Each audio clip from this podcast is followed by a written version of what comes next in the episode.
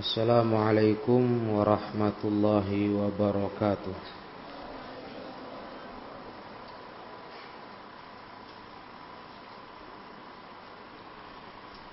Innal hamdalillah nahmaduhu wa nasta'inuhu wa nastaghfiruh wa na'udzu billahi min shururi anfusina wa min sayyiati a'malina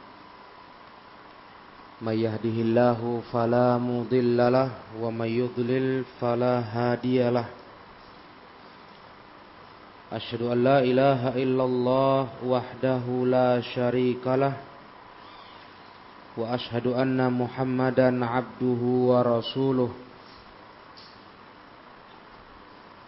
يقول الله تعالى في كتابه الكريم يا أيها الذين آمنوا اتقوا الله حق تقاته ولا تموتن إلا وأنتم مسلمون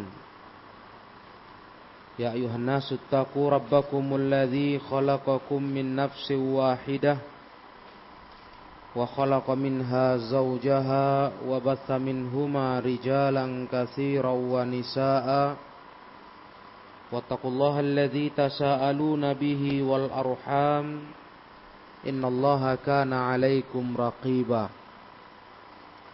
يا أيها الذين آمنوا اتقوا الله وقولوا قولا سديدا يصلح لكم أعمالكم ويغفر لكم ذنوبكم ومن يطع الله ورسوله فقد فاز فوزا عظيما. فإن أصدق الحديث كتاب الله وخير الهدى هدى محمد صلى الله عليه وسلم وشر الأمور محدثاتها فإن كل محدثة بدعة وكل بدعة ضلالة وكل ضلالة في النار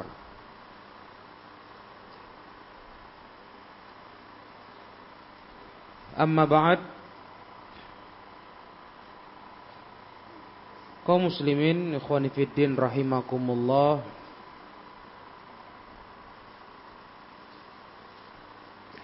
Setelah kita membaca di dalam babul i'tikaf hadis-hadis tentang disyariatkannya i'tikaf di 10 terakhir Ramadan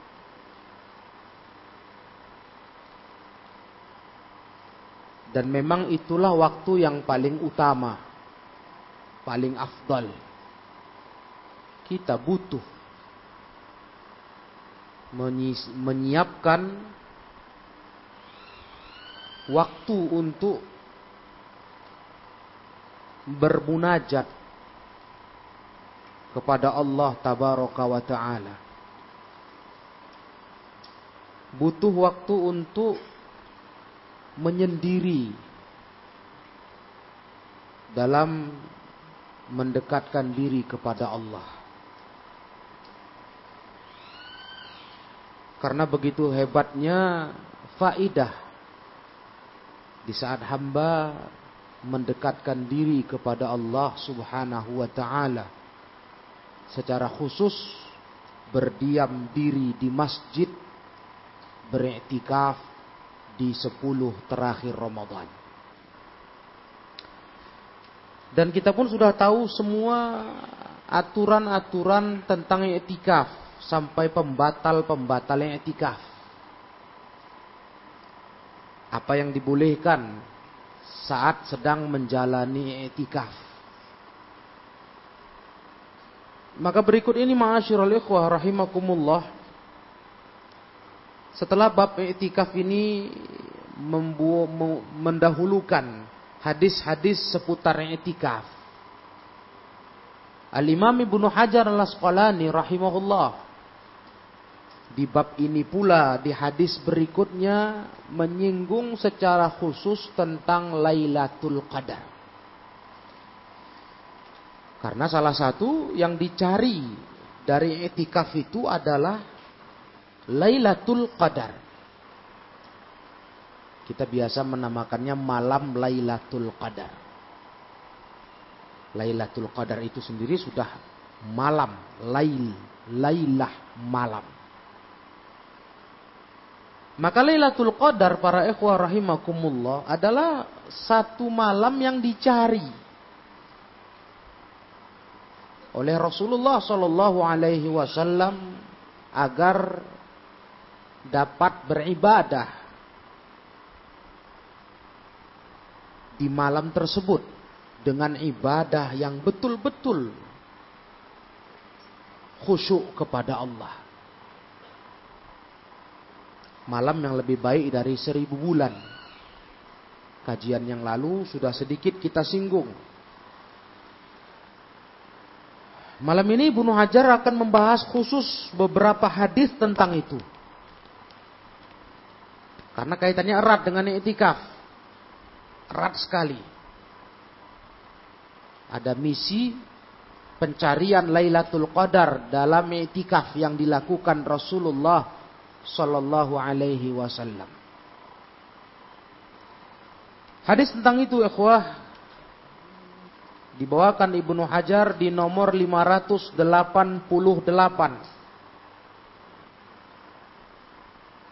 Hadis 588. Hadis ini dari sahabat Ibni Umar wa an Ibni Umar radhiyallahu anhumah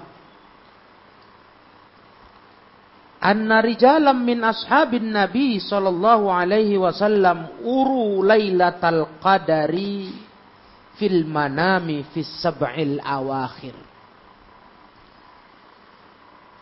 Kata Ibnu Umar, ada beberapa orang dari kalangan sahabat Rasulullah Sallallahu Alaihi Wasallam. Mereka dalam tidurnya dinampakkan uru, diperlihatkan dalam tidur. Maknanya bermimpi. Bahwa Lailatul Qadar itu ada pada tujuh malam terakhir dari bulan Ramadan. As-sab'il awakhir. Itu bukan satu sahabat. Rijalan beberapa orang. sahabat Nabi, para jemaah, orang-orang yang sangat antusias untuk kebaikan. Jadi begitu mimpi dan mimpi mereka ini sama beberapa orang begitu isinya, mereka pun datang kepada Nabi Shallallahu Alaihi Wasallam mencari tahu kebenaran itu. Itulah cerminan sahabat. Orang-orang yang sangat tamak sekali kepada kebaikan. Bersemangat mereka.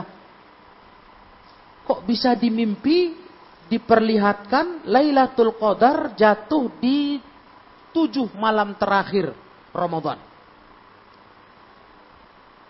Artinya di antara itu para ikhwah, tujuh malam terakhir.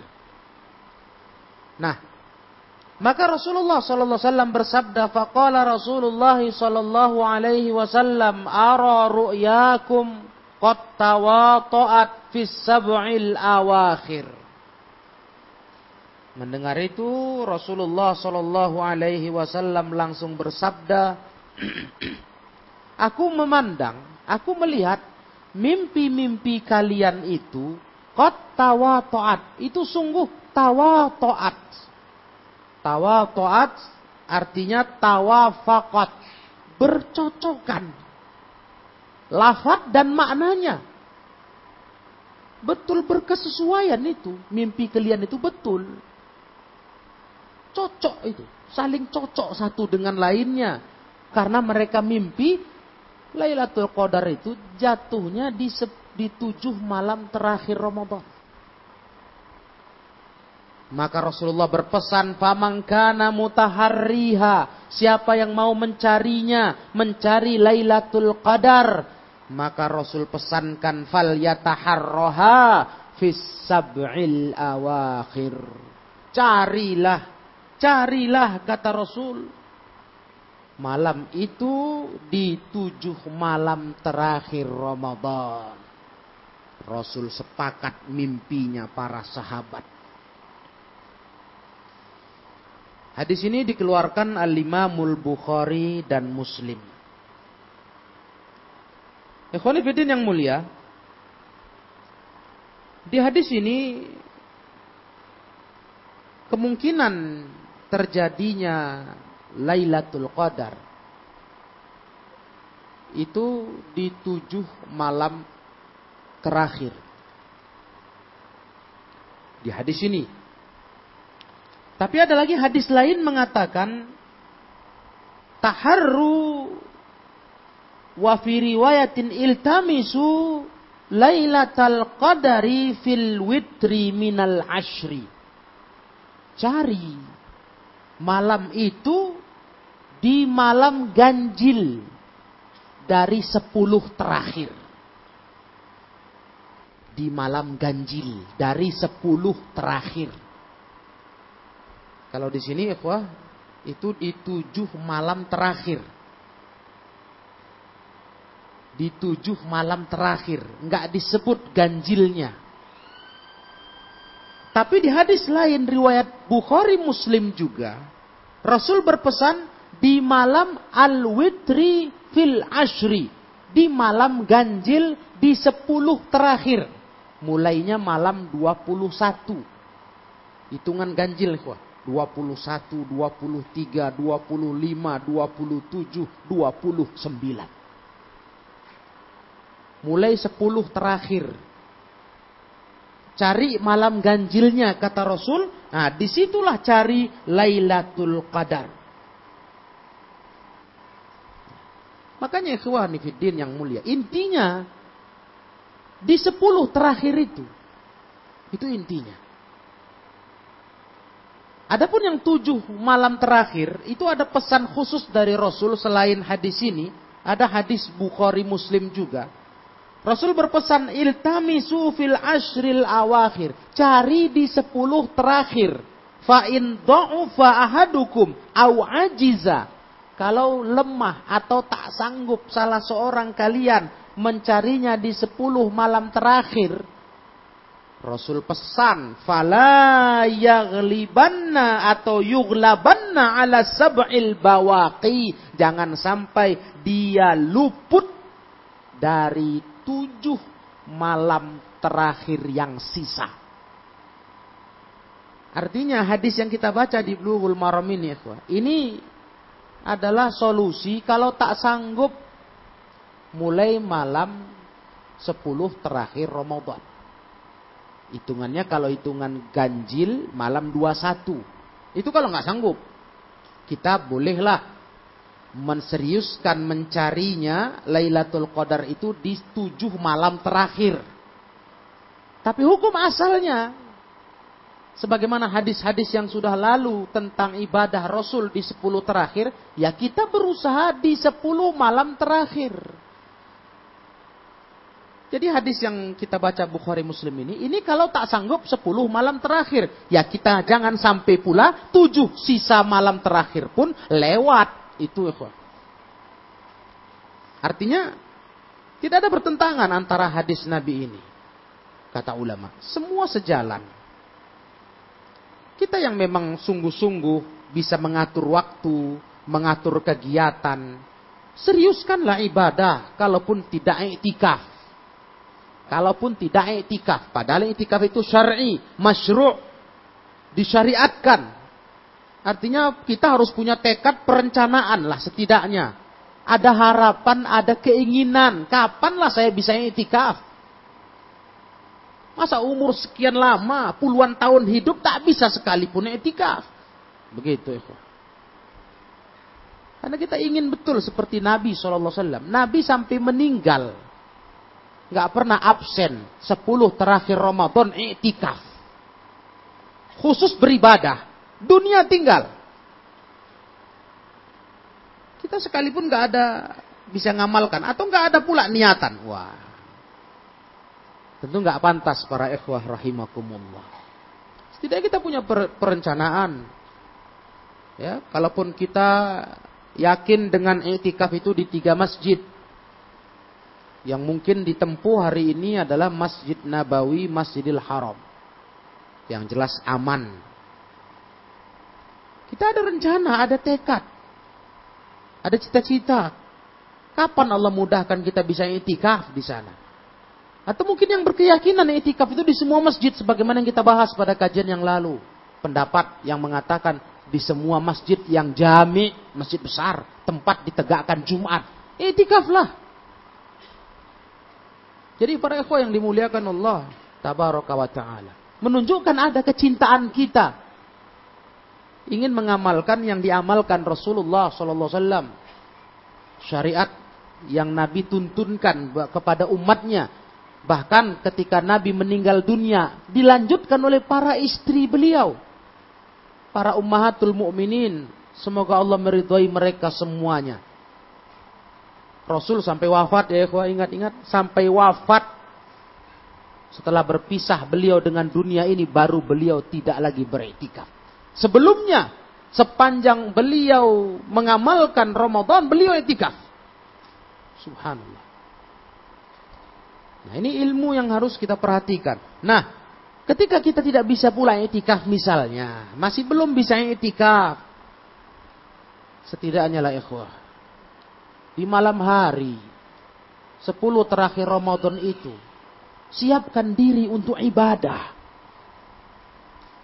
Lihat Rasulullah berpesan, kalau kalian tidak sanggup di sepuluh malam terakhir, jangan lewat pula kalian di tujuh malam terakhir, kata Rasul. Jangan lewat pula itu. Begitulah pesan Rasulullah Sallallahu Alaihi Wasallam. Dan memang para jemaah yang dimuliakan Allah Tabaraka wa Ta'ala. Kalau secara keseluruhan riwayat-riwayat yang ada dalam hadis-hadis yang sahih tidak ada lain. Maka di malam-malam ganjil, di malam sepuluh terakhir Ramadan itulah pencarian Lailatul Qadar. Saya yakin kita masih seorang muslim yang merasa sangat rugi kalau sampai ada jatuh Lailatul Qadar di malam itu kita bukan termasuk orang yang sungguh-sungguh beribadah kepada Allah. Karena ibadah di malam Lailatul Qadar itu itu lebih utama nilainya dari seribu bulan. Alfu syahrin. Di malam itu, satu malam. Lebih utama dari seribu bulan. Nilai ibadah di malam itu, kata ulama. Jadi masyarakat ikhwah yang mulia. Setidaknya, kalaupun sudah payah betul lah ngatur waktu. Tapi ya, malu pun kita berkata, saya payah ngatur waktu. Ya. Walaupun kemungkinan itu terjadi, tapi rasanya malu mau ngomong. Kok payah? Setahun sekali. Payah mencari waktu. Sepuluh malam terakhir. Sepuluh malam ganjil paling tidak. Nah, di malam-malam ganjil dari sepuluh malam terakhir paling tidak mencari Lailatul Qadar. Payah. Setidaknya para ikhwah yang mulia. Di malam ganjil tujuh malam terakhir itu. 25, 27, 29. Jangan lewat. Ini tantangannya. Makin dekat hari raya inilah serunya. Ya. Di situlah luar biasanya godaan kesibukan dunia puncak transaksi. Hari-hari menyambut hari raya dalam perdagangan luar biasa. Silahkan ikhwan. Siang hari berdagang berusahalah, ber, berdaganglah, berjualanlah, cari makanlah. Tapi tolong ingat, sebagai orang yang cerita mencintai sunnah Nabi Shallallahu Alaihi Wasallam dan ini sunnahnya, ingat, ini malam-malam sepuluh terakhir Paling tidak malam-malam ganjil di tujuh malam terakhir. 25, 27, 29. Jangan lupa itu. Jangan tinggal tidurnya aja malam. Karena terlalu capek siangnya. Tak bisa diatur diri. Hanya untuk setahun sekali. Belum lagi kayak Nabi. Macam mana itu? Apa enggak merepet panjang dia. Kalau sempat didesak. Dituntut. Ayo beriktikaf kayak Nabi. Merepet panjang. Gak makan kami nanti hari raya katanya. Marah mungkin dia. Diminta malam pun payah. Nah, inilah ya. Macam mana sempat diminta siangnya. Hei, stop. Stop dunia. Sepuluh terakhir. Stop. Masya Allah. Barulah bingung. Kayak orang kehilangan pegangan. Seakan-akan dicabut dunia dari dia. Sepuluh terakhir mau pere. Itulah waktu harus dimanfaatkan. Nah, cobalah. Kan begitu ya. Macam mana kalau sempat kita diajak di, di 10 Ramadan terakhir Ramadan itikaf? Libur semua dari siang sampai malam, libur semua dunia. Kita khusus di masjid berdiam diri, berperbanyak ibadah kepada Allah, baik sholat sunatnya, baik kiraatul Qur'annya. Bagaimana tuh ikhwan? Apa jadinya? Setidaknya malamnya, ma'asyiral ikhwah yang mulia. Nabi pun berpesan begitu. Taharru ay iltamisu. Cari kalianlah. Kalau nggak bisa kalian dari sepuluh terakhir, cari tujuh malam terakhir, itu pun yang ganjilnya. Karena memang al-witr, kalimat al-witr ganjil. Memang menurut banyak pendapat para ulama, Lailatul Qadar itu di malam ganjil. Jadi kalau tujuh terakhir tinggal tiga lah ma'asyur lekhwah. Malam ganjil 25, 27, 29. Kalau sepuluh terakhir mulai 21. Ya. Berarti kalau sepuluh malam, lima malamnya cuma yang ganjil. 21, 23, 25, 27, 29. Habis. Saya rasa nggak malam yang banyak kali itu. Masya Allah. Nah, ma'asyiral ikhwah yang dirahmati Allah tabaraka wa taala. Maka dari hadis ini kita lihat para sahabat tadi begitu bersemangat dan Allah tampakkan kepada sebagian mereka di waktu tidur Lailatul Qadar itu kapan terjadinya. Diperlihatkan kepada mereka. Ya. Karena memang ma'asyiral ikhwah rahimakumullah Kata Imam Syafi'i, menurut pendapat saya, kata Imam Syafi'i, Rasul itu menjawab sesuai dengan apa yang sahabat tanyakan. Kalau kita dapat beberapa versi cerita sahabat tentang Lailatul Qadar, yang memang versi itu semua berkisar di 10 terakhir. Nah, Rasul selalu mengiyakan. Karena memang para ikhwah kemungkinan malam itu ada di malam-malam tersebut, kata Imam Syafi'i.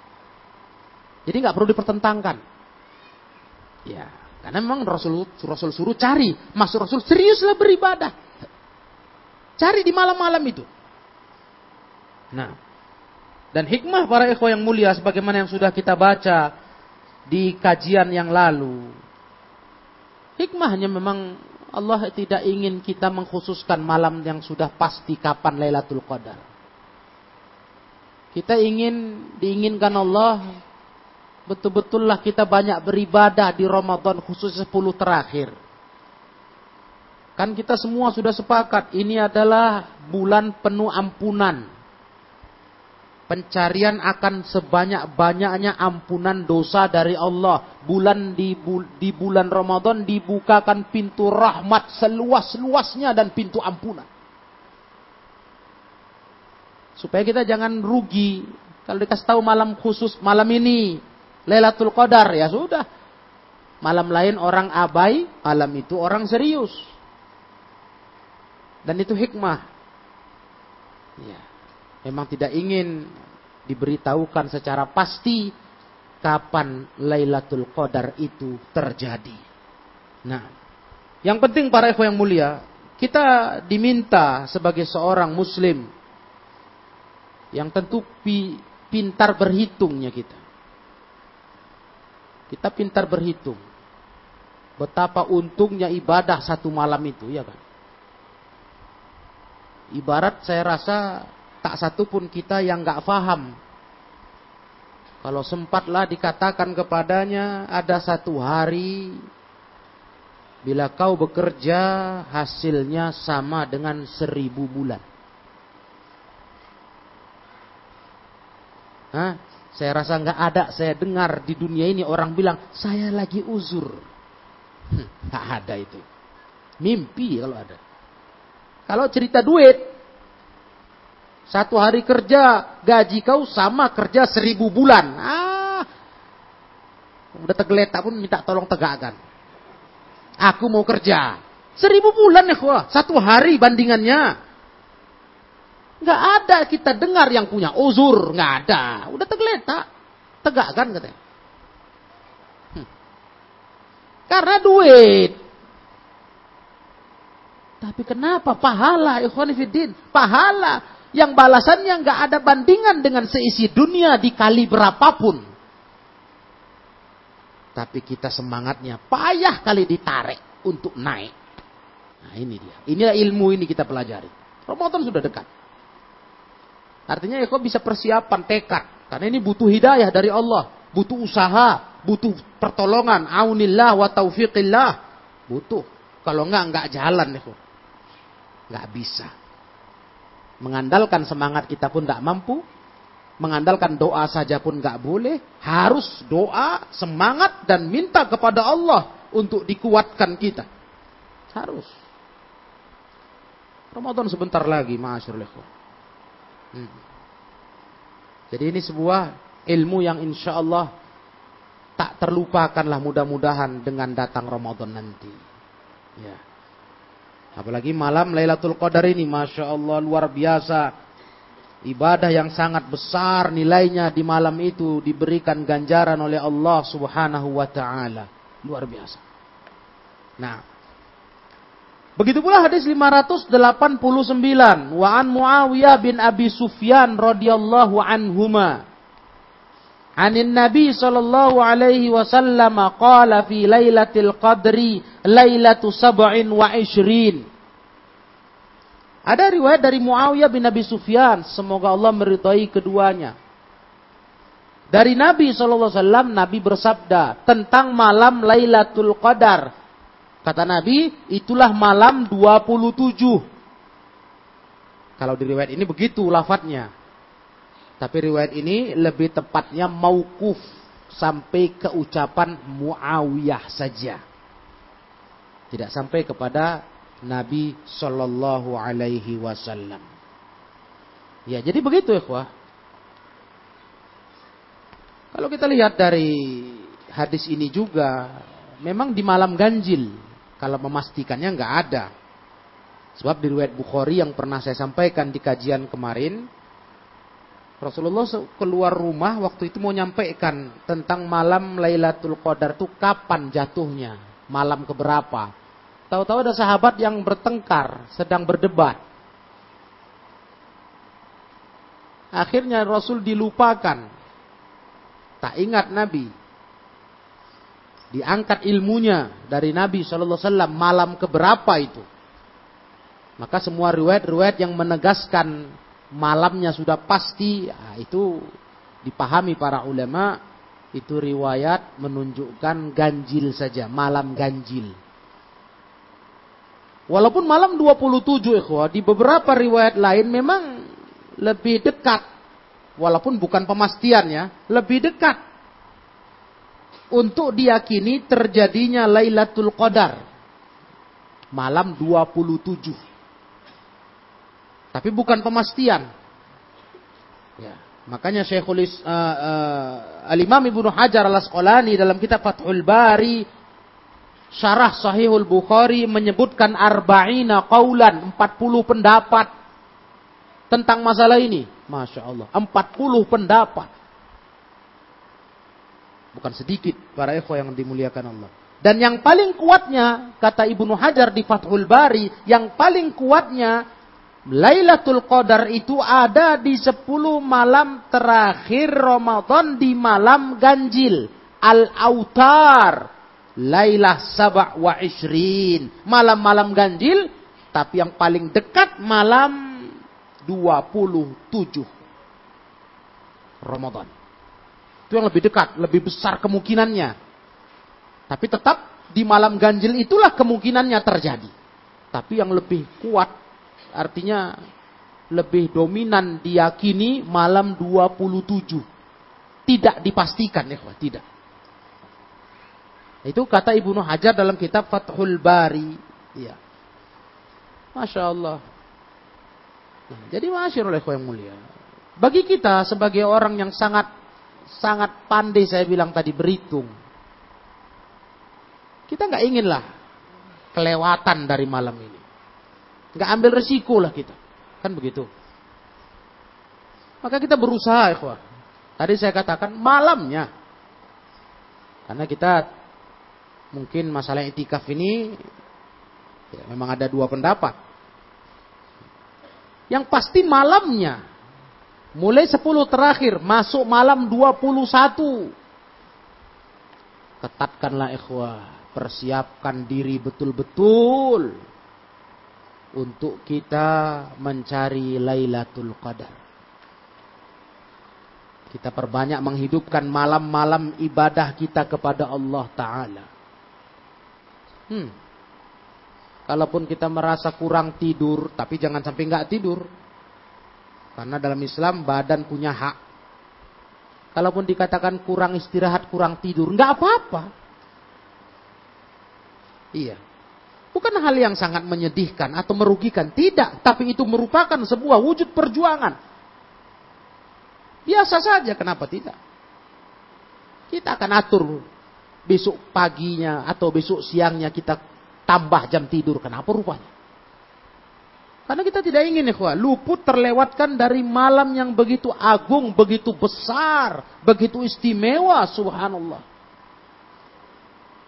Makanya ma'asyarul ikhwah yang dimuliakan Allah tabaraka wa ta'ala. Berdasarkan banyak keterangan-keterangan dalil-dalil. Fatwa-fatwa ulama dan sudah hampir tiap Ramadan, menjelang Ramadan saya ulang-ulang ilmu itu. Saya ulang-ulang ilmu itu. Sehingga saya nggak merasa perlu lagi diulangi malam ini. Dokumentasi kajian itu pun masih tersedia. Dalam rangka untuk memperbanyak ibadah kita. Memperbanyak keseriusan kita beribadah di 10 terakhir Ramadan. Kemudian untuk lebih menseriuskan diri mencari Lailatul Qadar. Dan mengejarkan waktu yang paling afdal menegakkan Qiyamul Lail Ramadan. Yang paling afdal dari solat malam kita di 10 terakhir Ramadan menundakan sholat tarawih kita tengah malam. Kecuali Ramadan tahun lalu berkenaan dengan wabah yang sedang heboh-hebohnya melanda. Kita segerakan di awal malam. Ya. Adapun nanti, insya Allah kalau memang tidaklah masih dalam kondisi yang sama tahun ini, sudah normal. Ya. Atau sudah membaiklah kondisinya. Maka kembali kita akan menghidupkan solat qiyamul Ramadan tengah malam. Insya Allah. Dengan dalil-dalil dan kupasan hadis dan riwayat fatwa yang sudah saya sampaikan kepada ikhwah. Beberapa kali, beberapa tahun diulang-ulang. Ya. Kita ingin lebih banyak menghidupkan malam 10 terakhir Ramadan. Dengan sebelum tidur ba'dal isya itu kita bisa memperbanyak Quran, kiroah Quran dan sebagainya. Istirahat kita sejenak, tidur, bangun tidur, baru kita sholat tarawih di tengah malam. Begitu ikhwah. Hmm. Artinya kita punya tekad harapan kepada Allah dengan usaha kita di 10 terakhir menghidupkan solat qiyamu Ramadan ya memperbanyak malamnya lebih banyak bangun doa kita kepada Allah kita bisa dapat Lailatul Qadar itu dia di 10 terakhir kita nggak peduli pokoknya 10 terakhir mau genap mau ganjil walaupun kita tahu hadis-hadis menunjukkan di malam ganjil itu yang jelas banyak riwayatnya tapi kita tetap di sepuluh terakhir dengan melihat pesan Nabi Wasallam dan ibadah Nabi, kebiasaan Nabi. Kalau sudah masuk sepuluh, sepuluh terakhir, apa kata Aisyah? Nabi Wasallam, Aikodo ahlah, dibangunkannya istrinya. Hmm. Ahya Laila, beliau hidupkan malamnya. Wasyadda sadda mi'zarahu, mengetatkan sarungnya menggambarkan kesigapan dalam mau beribadah kepada Allah. Itu kita doa sama Allah, mudah-mudahan tahun ini sudah kita bisa kembali dimudahkan mengamalkan rutinitas tersebut. Nah, para ibu yang dirahmati Allah, ada muncul pertanyaan terkait dengan tanda-tanda Lailatul Qadar. Yang syar'i kita bicara, kita nggak bicara yang tidak berdalil. Karena banyak versi beredar di masyarakat. Versi-versi yang memang nggak ada pula dalilnya.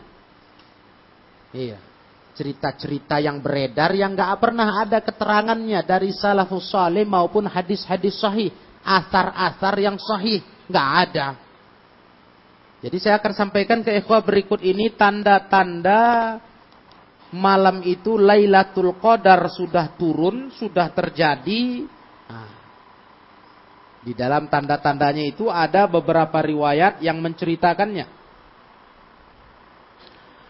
Di dalam riwayat-riwayat yang sahih para ikhwah yang mulia, sebagaimana dari riwayat Ibnu Abbas Rasulullah SAW pernah bersabda dalam hadisnya. Malam Lailatul Qadar itu kata Rasul, itu malam yang sangat indah dan cerah. Malamnya indah, cerah cuacanya enak gitu.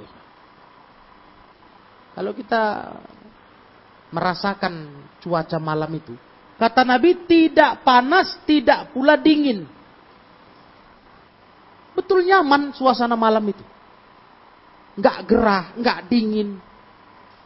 Itu tanda-tanda dari hadis Nabi tentang Lailatul Qadar.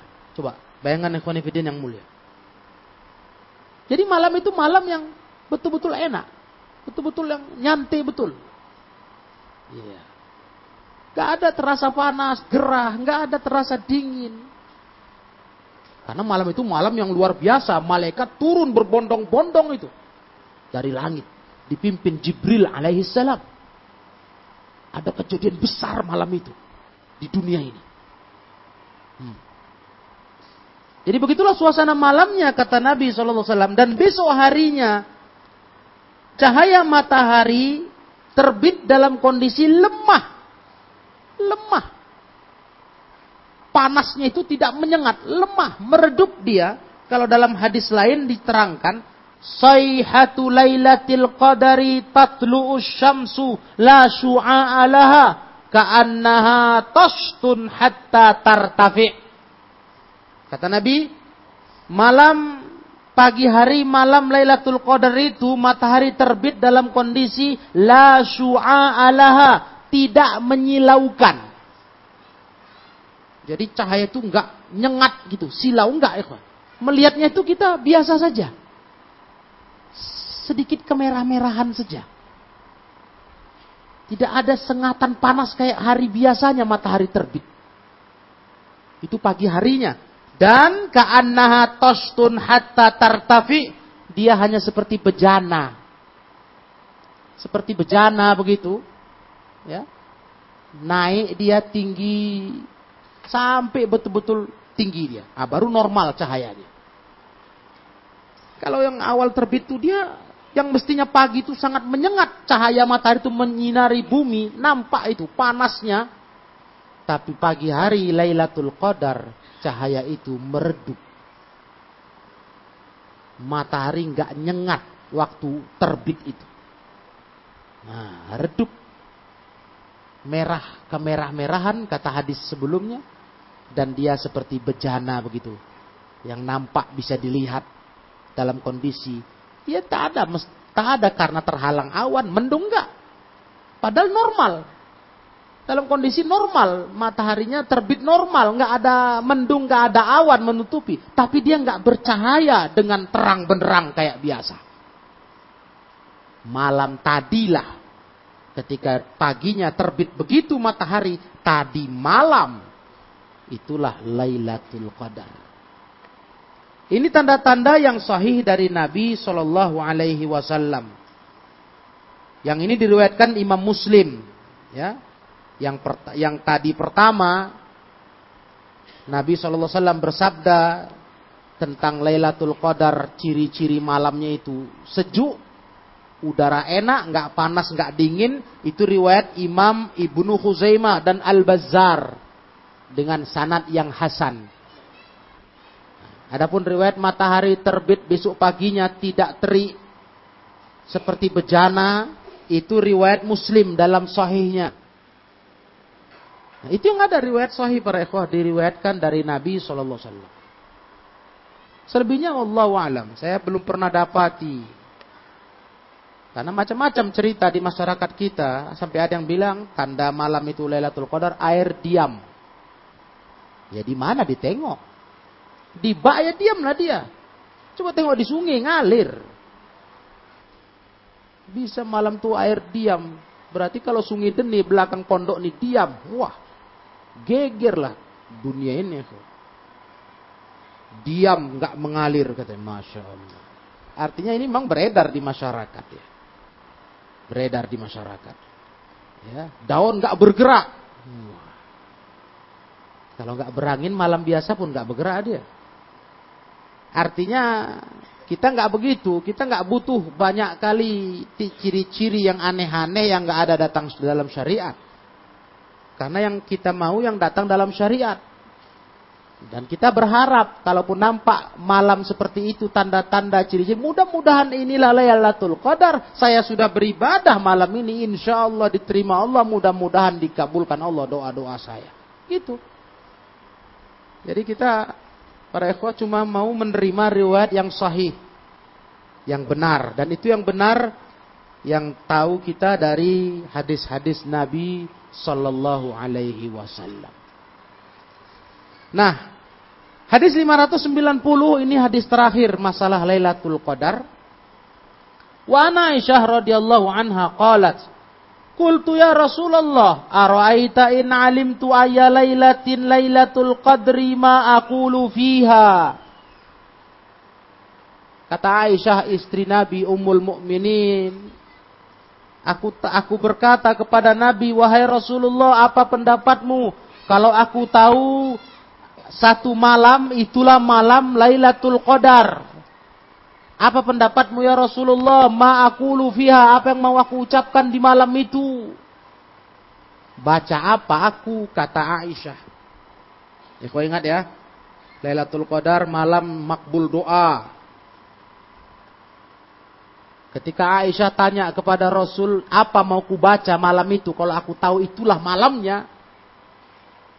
Itu malam makbul doa ikhwah. Apa Rasul ajarkan ke Aisyah? Kata Rasulullah, Kuli Allahumma innaka afuun tuhibbul afwa fa'fu anni. Disuruh minta maaf, minta ampun ke Allah. Kau baca ini kata Rasul, Ya Allah engkau maha pemaaf. Engkau mencintai kemaafan ya Allah, maafkan dosaku, ampunkan dosaku. Rupanya itu ikhwah yang disuruh Rasul banyak akan minta di Lailatul Qadar. Butuhnya kita dikasih ampunan kemaafan dari Allah Ta'ala. Padahal itu malam makbul doa. Nabi nggak ajarkan sang istri Ummul Mukminin Aisyah untuk meminta macam-macam. Tapi diminta dimintakanlah di malam itu diprioritaskan minta ampun dari dosa. Coba Memang kita kita sangat butuh itu. Kita sangat perlu itu karena kita banyak betul dosa kepada Allah, banyak. Setiap kita tahu dirinya masing-masing. Setiap kita tahu kekurangannya masing-masing. Setiap kita sadar dosanya masing-masing kepada Allah. Sampai momen malam yang begitu agung, begitu mulia, begitu hebat Sang istri nanya ke Nabi, apa mau ku baca? Nabi suruh baca ini. Allahumma innaka afuun tuhibbul afwa fa'fu anni. Masya Allah. Nah, jadi ikhwanifidin, ini perhatikan ini. Sepuluh terakhir malam-malam itu banyakkan doa ini. Karena kita nggak mesti memastikan ini Lailatul Qadar nggak. Sepuluh malam terakhir banyakkan doa ini. Allahumma innaka afun tuhibbul afwa fa'fu anni. Jangan lupa berdoa itu sambil apa? sambil meyakinkan diri kita akan dosa, akan permohonan ampunan kepada Allah. Berdoa itu diresapi kata ulama. Dijiwai. Ya. Karena orang berdoa kalau tak ada keseriusannya dalam meminta kepada Allah, enggak Allah kabulkan. Di antara syarat kabulnya doa itu mintanya dengan kesungguhan. Kesungguhan. Betul-betul dipahami ucapan itu, diresapi, diyakini, diharapkan permohonan itu kepada Allah dikabulkan. Bukan formalitas yang penting ku baca. Tanpa ada meresapi bacaannya, menjiwai enggak, tapi dirasakan. Allahumma innaka afun, Engkau ya Allah maha pemaaf. Maha pemaaf engkau ya Allah. Tuhibul afwa, kau menyukai kemaafan ya Allah. Fa'fu anni, maafkan dosaku, ampunkan dosaku. Ini kalau sungguh-sungguh ikhwah, kalau serius meresap meresapi doa itu, menyadari diri, menetes air mata. Kalau serius, Jangankan dibaca berulang kali. Sekali dibaca sudah bergetar. Sudah bergenang air mata. Karena sadar betul kita banyaknya dosa kepada Allah. Dan hausnya kita akan ampunan dosa. Nah jadi inilah pesan Nabi SAW kepada Ummul Mukminin Aisyah radhiyallahu taala anha dalam hadis riwayat yang lima selain Abu Daud disahihkan Imam Tirmidzi dan disahihkan pula oleh Imam Al Hakim. Demikianlah kaum muslimin para jemaah rahimakumullah. Maka pencarian Lailatul Qadar di 10 malam terakhir adalah sebuah pencarian yang harus diseriusi. Ya. Seriusilah. 10 malam terakhir itu nggak lama. Malah kalau mungkin pernah ikhwah rasakan insya Allah mudah-mudahan. Udah masuk malam terakhir Ramadan. Itu terasa betul. Kesedihan ditinggal Ramadan. Hmm, terasa betul itu. Terasa betul kerinduan kembali beribadah di Ramadan. Ini kalau kita betul-betul orang yang serius dengan bulan Ramadan. Ya. Kita insya Allah orang yang serius. Karena kita sudah orang-orang yang sudah diberi Allah kedewasaan dalam berfikir sudah memandang akhirat itulah lebih serius daripada masa kita masih usia kanak-kanak. Kalau anak-anak iya. Akhir Ramadan itulah kegembiraan terbesar. Mau hari raya. Mau nggak puasa, mau nggak taraweh, mau main-main, jalan-jalan, kan begitu. Iya. Mungkin nggak ada sedih apa pun di hati mereka. Malah gembira yang luar biasa. Wajar. Karena anak-anak para ekor yang mulia, mereka bukan seperti orang dewasa yang sudah matang pikirannya, udah berpikir kepada kehidupan setelah mati. Berpikir kalau mati bagaimana bawa dosa. Berpikir mencari pengampunan dosa. Berpikir mencari limpahan pahala, modal mati. Itu orang dewasa. Dan bulan Ramadan bulan me mengumpulkan pahala yang paling luar biasa kesempatannya. Sekarang udah berakhir. Masuk hari-hari terakhir. Masuk malam 29. Masya Allah. Udah terasa ya. Ada rasa kehilangan, sedih. Malam keutamaan malam-malam tarawih, keutamaan siang Ramadan akan segera pergi. Insya Allah mudah-mudahan ya sama-sama kita rasakan dengan izin Allah dan pertolongannya bulan Ramadan tahun ini mudah-mudahan. Dengan modal ilmu ini kita coba menyongsong Ramadan dengan penuh semangat. Dengan penuh cita-cita mampu kita mengatur diri untuk beribadah siang malam di bulan Ramadan. Siang malam, siang puasa, malam tarawih. Baca Quran dan sebagainya. Perbanyak ibadah. Khususnya 10 terakhir Ramadan. Nah, demikianlah tambahan dari kajian Babul Itikaf ini kita baca dan insya Allah ikhwah tinggal satu hadis lagi. Bab iktikaf dan kitabus siam kita selesaikan. Satu hadis lagi. Tapi hadis ini nggak berkaitan dengan eh, Lailatul Qadar. Makanya saya tundakan ini. Nanti akan ada kupasan pembahasan. Ini terkait masalah panjang berjalan. Safar jauh, tujuan ziarah, yang dilarang dalam hadis Nabi jangan panjang berjalan kecuali ketiga masjid. Nanti ada kandungan fikih yang perlu kita tambahkan dalam bahasan satu hadis terakhir di kitab Siam Babul Iktikaf. Ya, demikianlah para ikhwah yang dirahmati Allah. Kajian malam hari ini semoga bermanfaat.